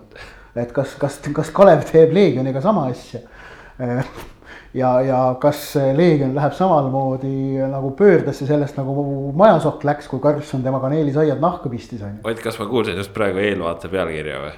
no võib-olla, võib-olla, vaatame täpselt. Päris hea, selline jah, peab kujund tekkis praegu. ja, ja siis on veel ka nüüd see, et kas, kas Kalev suudab leida mõne sellise tüübi enda satsist. nagu oli Veelma Tammekal Uussovi vastu, kas, kas Tammeka, kas, kas Kalevil on see samamoodi Vasakajärv või kuskil mujal keegi, kes suudab mõne Kalevi kaitsja, mõne Leegioni kaitsja panna nagu niimoodi pidevalt nagu probleemide ette ja seeläbi seda Leegioni fookust lõhkuda. Sest ma arvan, et kui nagu äh, noh, mäng läheb niimoodi ähm,, kuidas öelda. kui see mäng otsustatakse klassiga, siis Leegion võtab selle ära. Kalevil on vaja nüüd teha nii, et, et see, et see, et see mäng ei otsustataks klassiga, vaid otsustataks pigem äh,. võitlusega mõtetega või, või mõttelisel tasandil, et siis on nagu Kalevi šansid Leegion üle mängida suuremad. Vot, läheme siit edasi, kaks mängu olid veel nädalavahetusel, nendest väga pikka juttu ei ole, aga Viljandi tulevik näitas nüüd oma haavatavust, said kodus Nõmme Kaljult null kuus sahmaka ja ütleme, et Kaljul õnnestusid asjad ikkagi päris hästi ja tegelikult jäeti ju löömata ka veel, et ütleme. Marko Kristel hoolealused, see, mis varem jäi tegemata, siis seesama Leegioni vastu. et nüüd oli sats ikkagi väga hästi nii-öelda vaimselt äh, valmis, pandi täiega ja. ja nii kui õnnestumised tulid, saadi enesekindlust juurde, tuleviku enesekindlus kadus ja kadus ja kadus. see on nüüd täpselt see mäng, kus on jube raske öelda, et kas tulevik oli niivõrd halb või oli Kalju niivõrd hea, noh ilmselt mõlemat aga. tulevik on, tulevik on kolm mängu pärast koroonapausi liikunud väga kiirelt allapoole trendis. et esmalt Paide vastu no hiilgav esitus, hiilgav tulemus, Levadia vastu pettumust valmistav tulemus, aga korralik esitus ja nüüd äh, Kalju vastu noh, totaalne katastroof. noh, Levadia vastu ikkagi ka teisel poolel Levadia võttis selles mängus kontrolli enda kätte, ehk et seal, seal juba tulevik noh, ei, ei jõudnud nagu päris nende tempos olla no üks-kahe peal nad ikkagi suutsid veel midagi tekitada. seda küll jah, noh, see oli jah, soliidne esitus, millega nad võisid rahule jääda, aga jah, tulemusega mitte, aga noh, see nüüd, see oli noh, see oli piinlik. selles suhtes, et sel-, sellise meeskonnaga nagu tulevikul on õnnestunud kokku panna. Osalt oli nagu see, et, et ei, ei saanud ma väga hästi aru, mis see mänguplaan oli seda mängu vaadates, tunnistan ausalt, lõpuni ei vaadanud, sellepärast et noh, mingist hetkest ei olnud mitte mingit mõtet vaadata seda mängu enam ja noh, teisalt, teisalt ega nüüd treener ei saa ka mitte midagi teha, kui su keskkaitsja täiesti tühja koha pealt astub palli peale no,. Pudic oli ikka halb jah. Pudic oli, vabandust, otse öeldes esiliiga B tasemel mängija, sealt, kust ta tuli. Ja, ja ma praegu mul on sihuke tunne, et ma peaks vabandama kõikide esiliiga B mängijate ees selles olukorras, et noh, sattus otse öeldes ikka väga sitt päev. et Alex Roosalu on ilmselt järgmises mängus olemas, huvitav oli see, et, et Roosalut äh, Äh, kasutati, kui mälu ei võta, oli Paide vastu, Roosalu põhis. Puudist tuli Levadia vastu algkoosseisu ja Roosalu ütleme noh, just nimelt nende kiiremate, tehnilisemate meeste vastu sai väga hästi hakkama selles Paide mängus. et noh, ilmselt nüüd kas, kas siis nagu ei tahe, tahtnud lihtsalt postkoosseisu kohe jälle muutma hakata. minu jaoks isiklikult Pudici alustamine oli, oli üllatus mm. -hmm, yeah et noh, arvestades, et Roosalu ikkagi tegi eelmisel aastal tegi korraliku hooaja ja, ja, ja noh, tema nagu see Levadia jalgpalli noh, kool nii-öelda no, tema, tema, karjääris on nagu see tase on nagu natuke kõrgem, loogiliselt. kõigi märkide järgi peaks ikkagi Roosalu olema parem jalgpallur kui Pudic, et see on selline just lihtne järeldus. et Pudic võiks olla nagu väga asjalik tuleviku nagu noh, võimalusi arvestades, väga asjalik äh, pingimees, keda varukaitse, keda on võtta aga selles mõttes tubli mängija. vaata noh, korv, NBA-s on ka need üheteistkümnes, kaheteistkümnes mees, need on need, kes seal, kelle kõige tähtsam, kõige tähtsam roll on hoida üle tuju.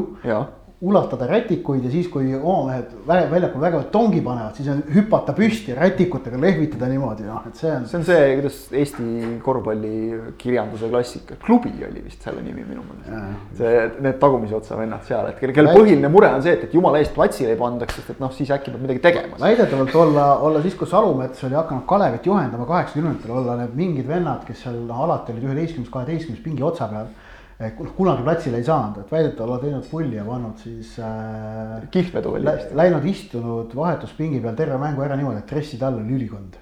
mitte mänguvorm, vaid ülikond, et, et kui.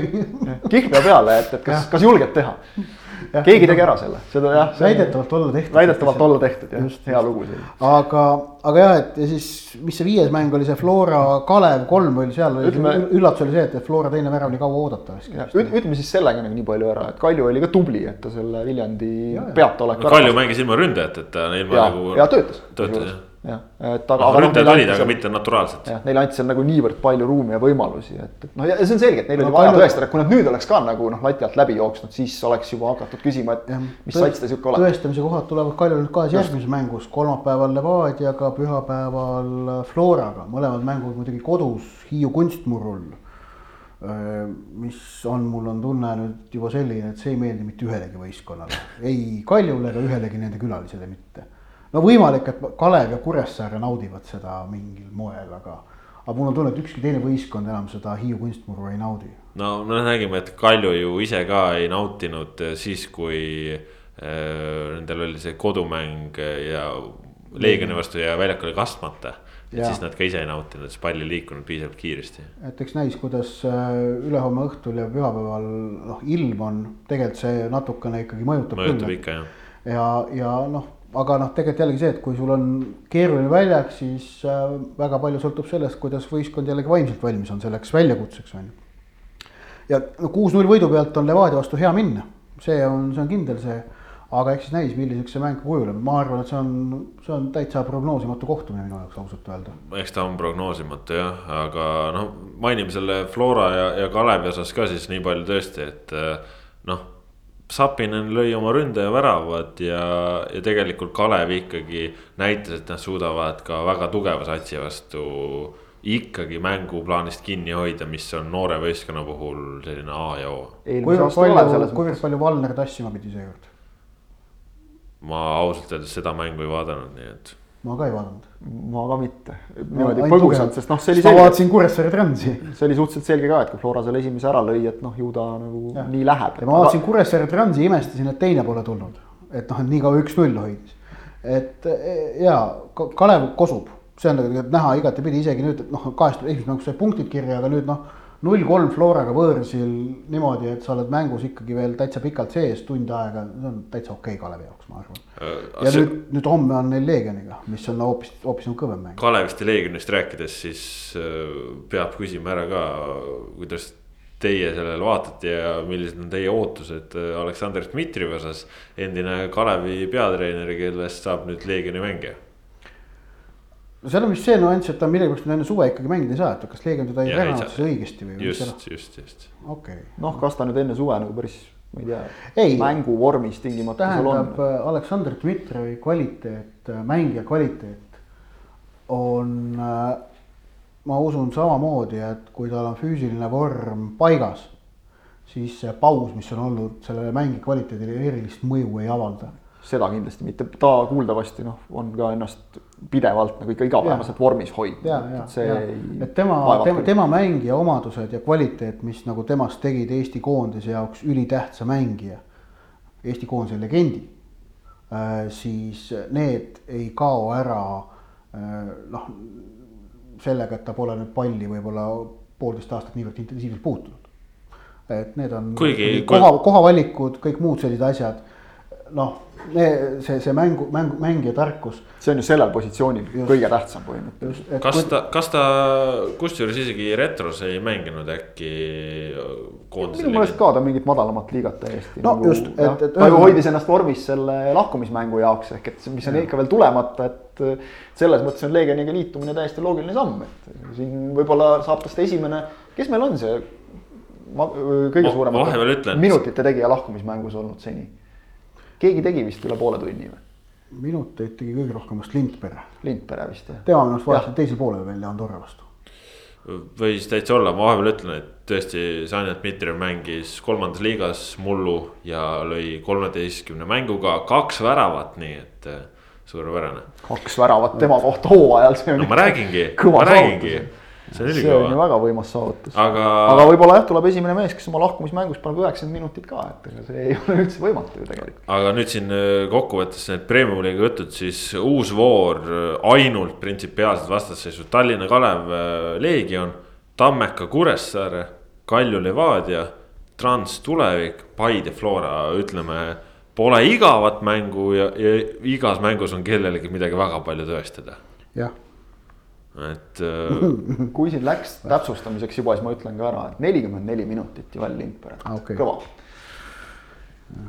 aga, nüüd... aga ei noh, see jah, ei ole igavat mängu, ma ei tea, või sellist etteaimamatut mängu, neid on siin siianigi olnud äh, iga vooru peale äärmisel juhul vaatad siukseid üks-kaks, kus võiks nagu arvata, et äkki läheb nii ja ei ole alati läinud ka. ma küsin niimoodi, kas äh, nädala keskses voorus äh, tuleb mäng, kus üks võistkond võidab teist äh, vähemalt kolme väravaga? Vaata, seal ongi see, et kuna need mängud on kõik piisavalt prognoosimatud, äh, siis ma arvan, et üks mängudest selliseks osutub, jah.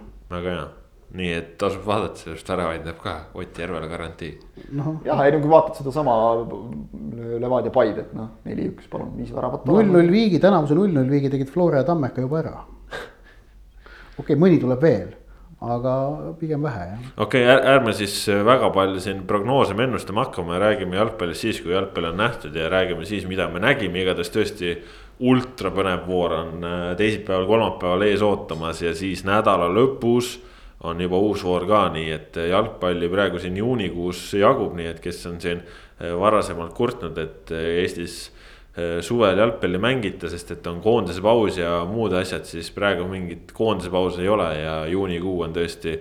lugesin kokku, vist oli äkki kolmteist mängupäeva, kus premium-liiga klubi saab väljakul näha, sinna sisse arvestasin ka siis karika poolfinaalid äh, päeva, nii et äh, tõesti jalgpalli jagub noh, vaata et üle päeva, mitte päris, aga. aga nii on, aga saate lõpus siis põikame Äh, olid ajad, olid mehed rubriigi raames ka minevikku. kaks tuhat kaks mm, äh, siis oli, ütleme ka selline väike uutmoodi. Äh, toimus kahes riigis, Lõuna-Koreas ja Jaapanis. Brasiilia võitis, mida mäletate, mehed? no kõigepealt mälet-, tuleb meelde ikkagi valikturniir sest et see oli ju see valikturniir, kus Eesti selle Hollandiga selle legendaarse kaks-neli mängu pidas ja. ja äh, Lilleküla staadion avati ja tegelikult äh, tollel, ma, ma lihtsalt äh, ütlen veel valikturniiri kohta, et tegelikult tollel valikturniiril oli veel üks ülikõva mäng, mida mida võib-olla Eestis enam niivõrd palju ei mäletata, mis Eesti koondis mängis Kadriorus, äkki oli see, äkki see oli isegi Eesti koondise viimane mäng Kadriorus. oli see Portugaliga, üks-kolm kaotus see oli siis kaks tuhat sügisel, peatreener oli Tarmo Rüütli. ja noh, tegelikult mängiti Portugali vastu superäge mäng. Äh, jah, noh, seal olid Luis Figod ja Rui Costad lõid väravaid enam-vähem ja noh, sellised vennad olid nagu platsil. lõpus, kui Andres Ooper lõi, lõi, lõi värava ära Eesti kasuks äh, noh, see oli nagu noh, väike võit, et me suutsime Portugalile värava lüüa, selle üle rõõmustati siiralt. ja noh, oldi nagu mängu üle väga uhked et selline väikene tagasipõi sinna valiksarja ka, aga, aga meie grupis siis tõesti Holland oli see, kes edasi MM-ile ei saanud, ehk et läksid sinna siis Portugal ja Iirimaa meie valikgrupist ja mm ise hakkas äh,, osutus selliseks siis, mis, kus Brasiilia võitis oma praeguse seisuga viimase aga viienda maailmameistritiitli. no minu jaoks ka, kui ma mõtlen selle MM-i peale, siis ikkagi esimene asi, mis kohe pähe tuleb, on Ronaldo oma soenguga ei saa siit üle ega ümber, et see soeng oli kaunis moodne ka Eesti noori jalgpallurite seas. ma et sõna kaunis selles kontekstis ei kasutaks, isegi no, mitte sel moel, nagu sina kasutasid. kuule, come on, isegi mina kaalusin, kas peaks äkki oma seitli tegema Ronaldo moodi. ma seda ei teinud, küll aga näiteks äh, sai omal ajal kasutatud sellist asja nagu Microsoft Wordis oli sellised äh, huvitavad jalgpallurite ja erinevate sportlaste äh, piltidega sellised noh. sellised no mitte ikoonid, aga, aga mingisugused siuksed nagu sample'id olid nendest olemas, mida pandi siis tavaliselt diplomite peale ja prinditi välja. aga siis mina võtsin sealt Microsoft Wordist selle jalgpalluri sample'i, kopeerisin selle paint'i ja värvisin selle siukse halli mustvalge kirju sample'i ilusti Ronaldo värvidesse Brasiilia koondise rüüsse ja tegin talle selle Ronaldo soengu ka pähe ja. ja, ja ma tegin seda rohkem kui ühe korra. no selge, aga kaks tuhat kaks oli viimane MM-finaalturniir, mille esimene kohtumine ei toimunud korraldajariigi osalusel, vaid valitseva maailmameistri osalusel ehk et mäng ei alganud, turniir ei alanud ei Jaapani ega Lõuna-Korea mänguga, vaid Prantsusmaa mänguga ja algas siis Prantsusmaa-Senegal kohtumisega noh, ja kohe avamängus siis totaalne pauk, sest et Senegal pani prantslastele ära. ja, ja see oli täiesti ootamatu, sest Prantsusmaa tuli tegelikult turniirile suurfavoriidina. Nad olid valitsevad maailma ja Euroopa meistrid ja nad, nad tulid suurfavoriidina turniirile. ja nad jäid alagrupis viimaseks. Nad, nad said tappa Senegali käest null-üks, teises mängus Uruguay vastu ei suutnud enamat null-null viigist ja said viimases mängus Taani käest ka veel kaks-null kolaka ehk siis nad ei löönud isegi väravat sellel. jah, nad ei löönud, nad ei löönud väravat, null kolm ja kojusõit. et, et noh, ja ütleme, see kaks tuhat kaks mm neid kojusõite tegelikult alagrupist ootamatuid oli ju veel. mulle tuleb kohe Portugal näiteks meelde, ma vaatasin Portugali ja, ja Lõuna-Korea kohtumist, kus ju Portugal ikka täiesti viimases alagrupi kohtumises kaotas peanärvid ja noh, mängu ka takkapihta ja kõik, mida kaotada andis, neil oli seal minu mäletamist mööda võitu vaja sellest kohtumisest igatahes nad kaotada kindlasti ei tohtinud, nad lasid Lõuna-Koreal muidugi ära lüüa, korjasid seal punaseid. Äh, selle... oligi, et alagrupist, äh, kus olid Lõuna-Korea, USA, Portugal, Poola, Euroopa satsid sõitsid koju ja. ja see oli üllatus, see oli ka, sest et ega ka Poola oli toona päris tugev sest noh Aga... noh, mängus, kus sul on vaja tulemust, kui Joao Pinto võtab kahekümne seitsmendal minutil, ma vaatasin praegu järele, see oli, ma mäletasin, et see oli vara tõesti, kahekümne seitsmendal minutil Äh, täiesti noh, lootusetu masendava vikati eest võtab no nii ilmselge punase, kui üldse võtta annab ja et ta seal Lõuna-Korea mehel mõlemat jalga ei murdnud. siis noh, see, see nagu näitas hästi ära, et ega Portugal sealt mitte midagi rohkemat väärt ei olnudki ja, ja äh, Argentiina kohtunik Angel Sanchez, mul on miskipärast, ilmselt ma omal ajal vaata siis ei olnud nagu noh, nii palju nagu neid asju, mida sa videost vaadata said. lindistasid ja siis vaatasid neid tipphetke, kõiki asju ja see, kuidas no absoluutselt iga otsuse järel portugallased olid pea terve meeskonnaga kohtuniku ümber seletamas, mulisemas, vaidlemas kogu aeg. see vähemalt minul isiklikult tekitas nagu Portugali koondise suhtes, kus oli tegelikult tohutult palju häid mängijaid. noh, ma ei tea, seal oli... Coutodest ja, ja, ja Rui Costadest alustades ja, ja Luis Figode ja, ja kõikide nendega lõpetades. see tekitas ikka nagu sellise, ütleme otse, tülgastuse päris mitmeks aastaks okay.. ajapikku see läks üle, aga, aga kuidagi sealt jäi nagu sihuke emotsioon minul seda ei tekkinud, mulle on Portugali koondis alati meeldinud, küll aga see oli viimane suur turniir, kus Portugal mängis ilma Cristiano Ronaldota. selline ja, tore, tore kaks tuhat kaks. kaks tuhat kaks, umbes millalgi eelmisel sajandil nagu sihuke. ja aga rääkides siis kojusõitjatest, siis kas see oli ilmselt ka viimane suur turniir, kus Argentiina mängis ilma Lionel Messita. sest Messi kindlasti veel toona koondises ei olnud, ta on Ronaldost noorem kaks tuhat kuus ta vist oli juba olemas äkki või? jah, kaks tuhat kuus oli jah. kas ta väravatki ei löönud kaks tuhat kuus äkki? ja aasta enne seda Copa Americal äkki mängis ka, okei okay,, seda ma ei mäleta täpselt, aga Argentiina sõitis ka koju alagrupist. ja oli siis alagrupp, äh, mille võitis Rootsi, Inglismaa oli teine, Argentiina kolmas, Nigeeria neljas ja noh, see oli ka muidugi suur üllatus, et Rootsi suutis ära võita alagrupi, kus neid peeti tegelikult outsideriks tollel, tollel turniiril. et äh, ka Nigeeriat hinnati kõrgelt, aga nemad ja argentiinlased koju, Inglismaa, Rootsi edasi. minu arust punk oli see, et äh, mõlemad korraldajariigid, nii Lõuna-Korea kui Jaapan võitsid oma alagrupi seitsme punktiga, mõlemad said seitse punkti. Argentiina, Inglismaa mängust veel see, et, et ma mäletan äh, kuidagi noh, me ju rääkisime siin ka sellest eelmisest MM-ist, eks ole, päris eelmise MM-i puhul sellest saates päris pikalt sellest, et äh, Argentiina, Inglismaa, see kaheksandikfinaal, kõik noh mm -hmm., draama oli nii tohutu, et nüüd nad ongi alagrupis vastamisi väga halb mäng. mäng oli täiesti kohutav. Beckhami penalti, inglased võitsid. mäng oli täielik jura tegelikult, aga miskipärast nagu see, see mäng sel hetkel ta tundus nii oluline, sest sellest ja. oli nii palju räägitud. mäng oli lihtsalt täielik jama. aga, aga aga et jah, seal ja, Jaapan tänuväärsel kombel saatis siis koju Venemaa, et mul oli sel turniiril üks suur noh, kohe kui Venemaa esimeses mängus Tuneesiat kaks-null võitis, see oli väga halva hoolduse, et Venemaal võib hästi minna, aga õnneks nad järgmised kaks mängu kaotasid ja. Jaapan ja Belgia saatsid nad, saatsid nad koju, Belgia eest mängis veel vist Mark Wilmots isegi tollel turniiril, kui ma nüüd õigesti mäletan. selline noh, enneaeg, kuidas öelda, eelajalooline Belgia.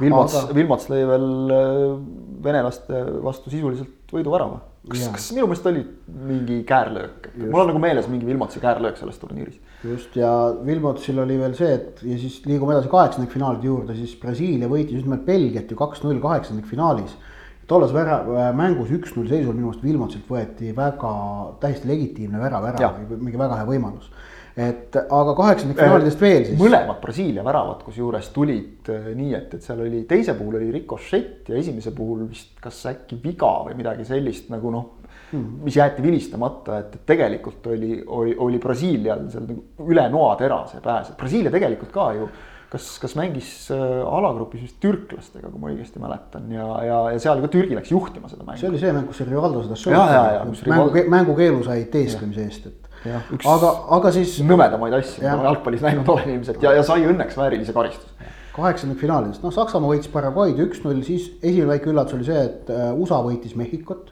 äh, kaks-null kaheksandikfinaalis. Hispaania sai iirlastest penaltitega jagu no siis muidugi äh, Inglismaa võitis Taanit rahulikult, Brasiilia võitsid Belgialt, see, et Senegal võitis lisaajal Rootsit, ei olnud otsene üllatus, see oli väga lahtine mäng.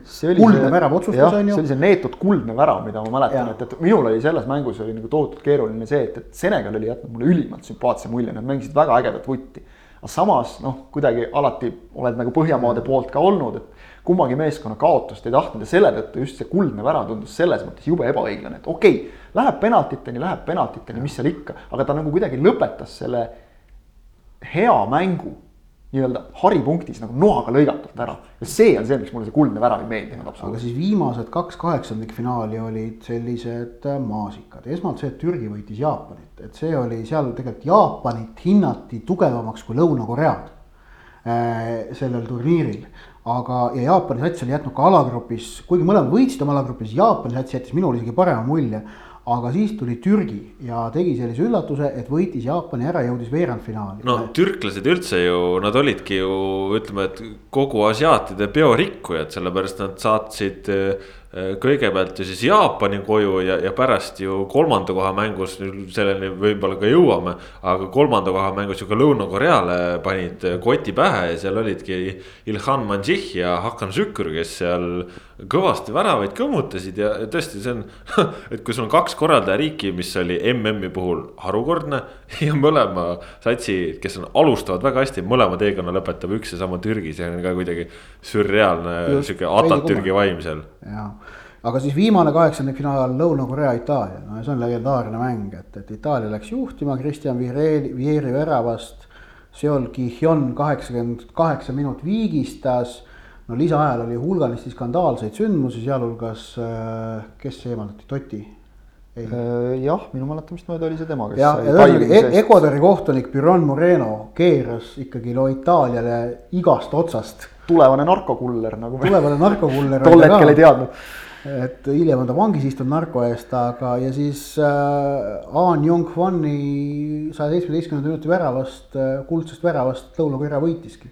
Itaalia sõitis koju ja no see oli, see oli selline noh, täielik šokk tegelikult, see oli, see oli kõik muu, mis sinnamaani oli juhtunud, ka see, Senegal äh, pani prantslastele ära ja, ja mis seal kõik veel oli juhtunud. see oli köki-möki võrreldes sellega, kui Lõuna-Korea saatis koju kolmekordse maailmameistri Itaalia no see ei, see ei, see ei mahtunud nagu loogikasse ja see no see, see, see, see oli selle, tegelikult selle turniiri esimene suur šokk just. Aga, aga võib-olla. lisaajal saadeti jah Toti punasega minema. just, aga, aga võib-olla tasub. ja teine, vabandust, ja teine kol-, teise kollase sai ta minu meelest äh, anti talle teesklemise eest, mida ei olnud. just kus oli tegelikult penalti. et noh, neid, neid otsuseid võiski nagu jääda seal kokku lugema, et, et itaallased on loomulikult teinud, igaüks võib ise Youtube'ist otsida, ma arvan, et neid, minu meelest neid peaks olema seal hulgem. et, et neid, neid kokkuvõtteid kõikidest nendest valedest otsustest äh, muidugi öeldi isegi täiesti otse, noh, itaallased me teame emotsionaalselt, et. et oligi eesmärk aidata korraldajariiki edasi, An Jung-Hwan jäi ju oma lepingust Itaalia klubiga selle tõttu põhimõtteliselt ilma. et et noh, selliseid igasuguseid vahvaid legende. analoogne juhtum Sergei Terehoviga. just, just. aga. et igasuguseid vahvaid legende see mäng nagu tootis nagu meeletult ja aastateks, et see noh, see on äge. no aga Lõuna-Korea ei olnud ka ju lihtsalt äh, mingi suvaline Lõuna-Korea, nende treener oli Kuus Hiding. jaa, seda küll. Hidinkist äh, jällegi nendest mingitest kokkuvõtetest on, on jäänud meelde hea kaader kuskil noh, me teame Aasia rahvaste seda ülimat viisakust ja, ja, ja alati soovi aidata. Ja, ja, ja Hidinkil ütleme nii, et kui ta, see oli mingisugune kaader kuskil mängu järel staadioni aluses tunnelis, kus ta võttis lihtsalt pintsaku maha ja seal oli vist umbes kolm-neli meest, kes olid valmis kohe seda pintsakut nii-öelda kätel kandma, aitama ja siis Hiding pidi neid viisakalt tõrjuma, ehk et ta oli noh, sisuliselt ta oli selle turniiri ajal, ta oli jumal. on ilmselt siiamaani Lõuna-Koreas, vähemalt jalgpallisõprade jaoks küll. Nii, aga läheme veerandfinaalide juurde. esimene mäng Inglismaa-Brasiilia. Michael Owen viib Inglismaa juhtima, esimese poole üleminutitel Rivaldo viigistab ja viiekümnendal minutil David Seaman laseb Ronaldinho karistuslöögi kuskilt neljakümnelt meetrilt endal tagumisse nurka kukkuda see oli vist mõeldud ilmselt senderdusena. palun ärge öelge, et ta tahtiski sinna lüüa, ma ja. olen seda kuulnud nii palju, et, et jaa, tahtiski lüüa, Siimann oli väljas, ei tahtnud, ülejala senderdus oli seitse minutit hiljem Ronaldinho sai punase, aga inglased arvulist ülekaalu ära realiseerida ei suutnud ja noh, ilmselt kõige tugevam Inglismaa, mis on ütleme kaasajal suurturniiridel mänginud, ka üheksakümmend kuus EM-il, kui nad jõudsid poolfinaali. Neil ei olnud nii head satsi kui see, millega nad kaks tuhat kaks MM-i mängisid. Sven-Göran Eriksson oli suutnud selle satsi tööle panna, toimima panna. ja see oli nagu noh, see oli kõva sats, Scholes oli veel olemas satsis ju ja aga, aga tuli, tuli koju sõita, neil. inglased teine... tegid seal minu meelest oma nii-öelda klassikalise suurturniiride esituse, alustasid väga hästi. Läksid juhtima teenitult, mängisid väga hästi ja siis mingil hetkel vajusid täielikult ära.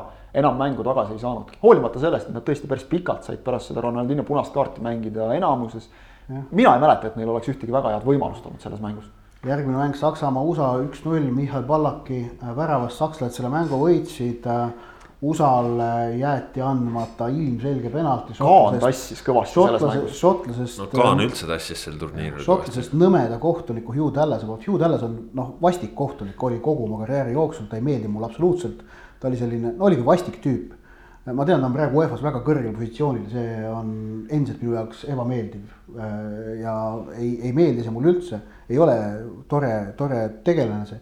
ja seal ka noh, käega mäng väravajoonel, aga siis ütles ei, see oli juhuslik, no sellist asja käega mängu väravajoonel juhuslikku ei ole olemas. ei ole olemas no, sakslased võitsid. no nii. Hispaania sai siis ikkagi ka selle, et Lõuna-Korealt ja sisse, aga, aga päris palju oleks aega, et sisse saada penalti. vandenõu, vandenõu, vandenõu, jälle, jälle, jälle täpselt nagu Itaalia, nii tehti ka Hispaaniale ära, vähemalt Hispaania nii arvas. ja oleme ausad, seal olid just eriti lisaajal olid need äh, mingid otsused küll olid ikka. oli küll midagi. no oli, no kõige, kõige suurem otsus oli see. kindlasti ei olnud see vandenõu. Fernando Morientes lõi värava ja aga see võeti ära sellepärast, et leiti, et senderdus oli läinud üle otsajoone, ennem senderdus palju, kuigi noh, tegelikult kaugel sellest mm. ei olnud, et noh, ja see oleks olnud, Merventuse värav oleks olnud kuldne värav ja viinud Hispaania edasi, nii et. minu meelest pärast seda kerkis nagu jälle küsimus, et Egiptuse kohtunik või noh, kohtunike brigaad vilistas seda mängu, mm. et äh, kas MM... brigaad oli, vaid ma arvan, et ainult peakohtunik oli Egiptus, minu arust toona veel ei kasutatud brigaade. ka võib-olla, MM-i äh, veerandfinaal ja, ja minu meelest sealt tekkis see küsimus, et, et kas nagu mitte ei äh,, ei peaks seda asja üle vaatama, et, et nende äh, maailmajagude kohtunikud, kes igapäevaselt sellisel tasemel kohtumisi vilistada ei saa eh,. noh, kas nad peaksid, aga, aga seda, kuidas sa ütled, eks ole, et nüüd paneme ainult Euroopa kohtunikud. aga samas üheksakümmend kaheksa MM-finaali vilistas ju Põhja-Aafrika kohtunik, mul nüüd ütles peas, kas see oli Alžeeria, Maroko või äh, Tuneesia, vilistas üheksakümmend kaheksa MM-finaali, vilistas väga korralikult mm, -hmm. näiteks jällegi. et noh, see oligi see, et, et see tõmbas nagu selle teema üles, aga, aga reaalselt äh, jah, ei, ei, ei saa ju nagu niimoodi öelda, jah äh,, abikohtunikud olid siis sellistest suurtest jalgpalliriikidest nagu Uganda ja Trinidad ja Tobago äh,. ja neljas kohtunik Kuveidist, nii et tõesti noh. -hmm. võib natukene aru saada, miks, aga, aga kui seal muidugi midagi hispaanlastel edasipääsu taha jäi, siis, siis natukene ka see, et, et nad ei löönud ka minu meelest ise päris palju oma võimalusi ära mäletamist mööda. ja eksisid penaltil, see on väga lihtne, et kui lõunakorealased löövad kõik oma viis penaltit sisse, kusjuures kõik viis penaltit olid sellised, et Iker Casillasel ei olnud vähimatki võimalust tõrjuda neid. suurepärased penaltid üles risti ja, ja, ja kuhu iganes. ja Joaquin, vaene mees, kes siis oli veel noor, vaat see on nüüd eh, karjääri pikaajalisus verstapost, et kaks tuhat kaks MM-il sai lööja ja me räägime praegu ikkagi veel. ikka siiamaani mängib Real Betis ja, ja kütab. ja neljas veerandfinaal oli siis Senegal-Türgi, mille Türgi võitis lisaajal kuldsest väravast üks-null. oli ka, kui ma õigesti mäletan, üpris lahtine mäng, tegelikult oleks võinud mõlemale poole minna, võimalus oli mõlemale poole.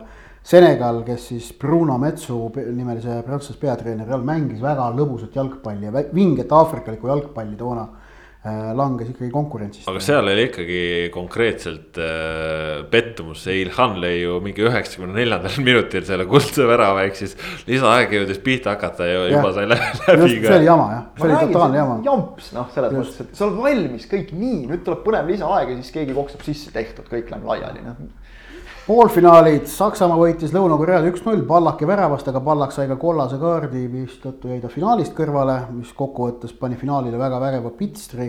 kas ma mäletan valesti, et pärast seda Türgi... Pallaki kaarti hakatigi arutama, et, et sellised kollased kumuleeruvad kollased kaardid ei jätaks mängijat finaalist. jah, see on väga halb reegel, et seda on muudetud, see on täiesti mõttetu no. ja vale ja loll. ehk et äh, see on, see on praegu täiesti ebaloogiline, et äh, mängija võib, äh, et kui võtame MM-i või EM-i, et kui sa saad esimese viie mängu jooksul kaks kollast kaarti, siis sa saad võistluskeelu, sa saad esimeses mängus ja veerandfinaalis ja sa pead poolfinaali vahele jätma. Äh, ja aga, aga, aga siis, kui sa saad veerandfinaalis ja poolfinaalis, siis sa finaali vahele jätma ei pea. see ei ole loogiline, mitte ühestki otsast. kui on tahta, kui on tahtmine teha süsteem, et noh, ütleme need mängukeelud ei oleks, ei tunduks ebaõiglased, siis loogiline on see, et äh, kollased kaardid kehtivad kolm mängu. kui sa, kui sa teenid kolme mängu jooksul kaks kollast, siis sa väärid võistluskeeldu, ükskõik mis faasis. ja ma olen siin suhteliselt kindel, et kui kollas oleks saanud selles mängus, ma ei tea, kui ma vaatan seda koosseisu, Karsten Ramelov või Marko Poode või keegi, see ei oleks teemaks ka tulnud üldse. aga kuna see oli Pallak, siis ja, ja see juba iseenesest on selles mõttes väär, et nüüd siis nagu tähtmängijate tõttu et need ikka finaalis kõik olemas oleksid, teeme, teeme reegli muudatuse ja kusjuures täpselt noh, sisuliselt see on ju nii-öelda poolel teel hobuste vahetamine tegelikult. algul kehtib üks reegel ja siis teine. jah, Brasiilia võitis Türgit Ronaldo väravast üks-null ja noh, siis oligi kolmanda koha mäng, kus siis löödi MM-finaalturniiride ajaloo kõige kiirem värav, peaks vist siiamaani olema. Hakan Şükür vist Türgi juba mingi üheksandal sekundil juhtima, üheksandal, kümnendal sekundil. ja väga kiirelt jah. ja, ja Türgi võitis kolm-kaks lõpuks, et Türgi juhtis Lõuna-Korea viigistas Türgile uuesti kohe kaks-üks, kolmeteistkümnendaks minutiks oli seis kaks-üks. ja siis tuli avapoolega oli Türgile kolm-üks ja üheksakümmend kolm alles lõi Korea ühe tagasi ja. no ja finaal siis äh, Saksa-Brasiilia ja Ronaldo tegi mängu ära.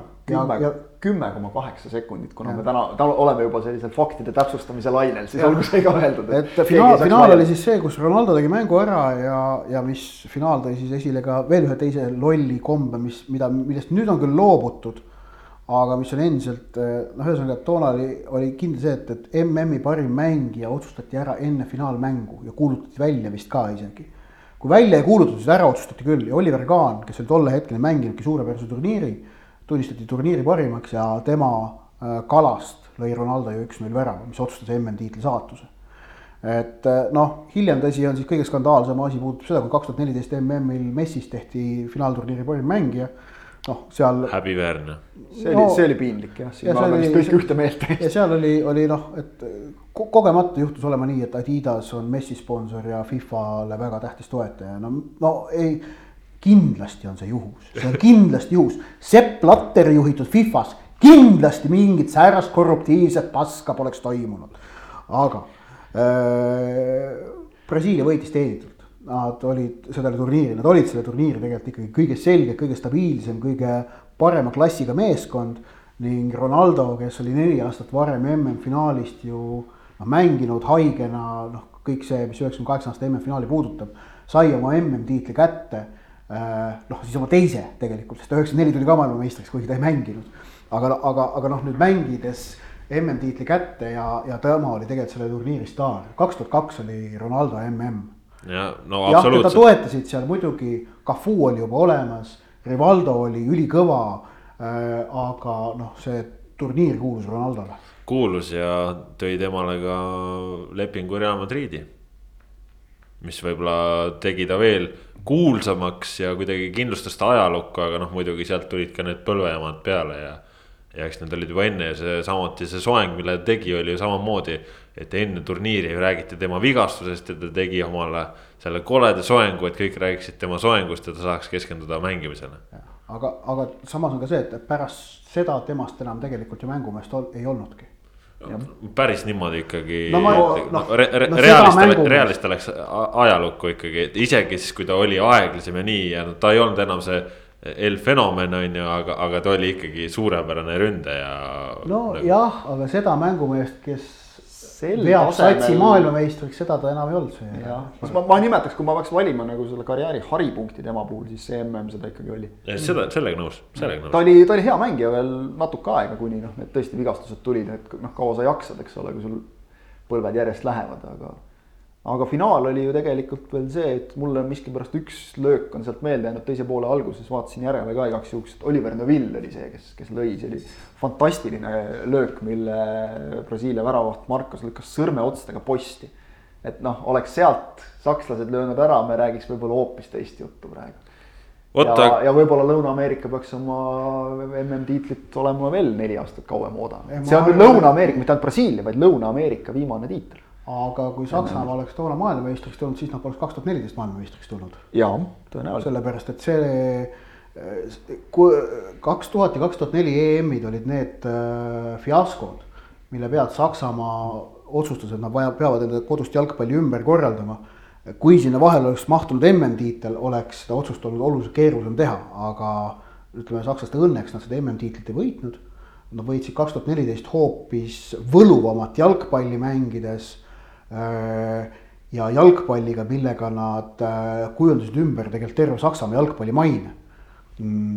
ja noh, ma arvan, kokkuvõttes jalgpalli ajalugu on sellest igatepidi võitnud, et Saksamaa, et toona võitis Brasiilia, Saksamaa võitis kaksteist aastat hiljem vot, aga selline oli kuuekümne viies saade pikk ette ja ise järele, millised on järgmise nädala jalgpallijutud, seda kuulame juba siis. tänast saate tõid teieni Kaspar Elisser, Ott Järvele, Kristjan Jaak Kangur, aitäh, et kuulasite meid. Jälgige meid kõikjal, kus saate, püsige jalgpallilainel, adjöö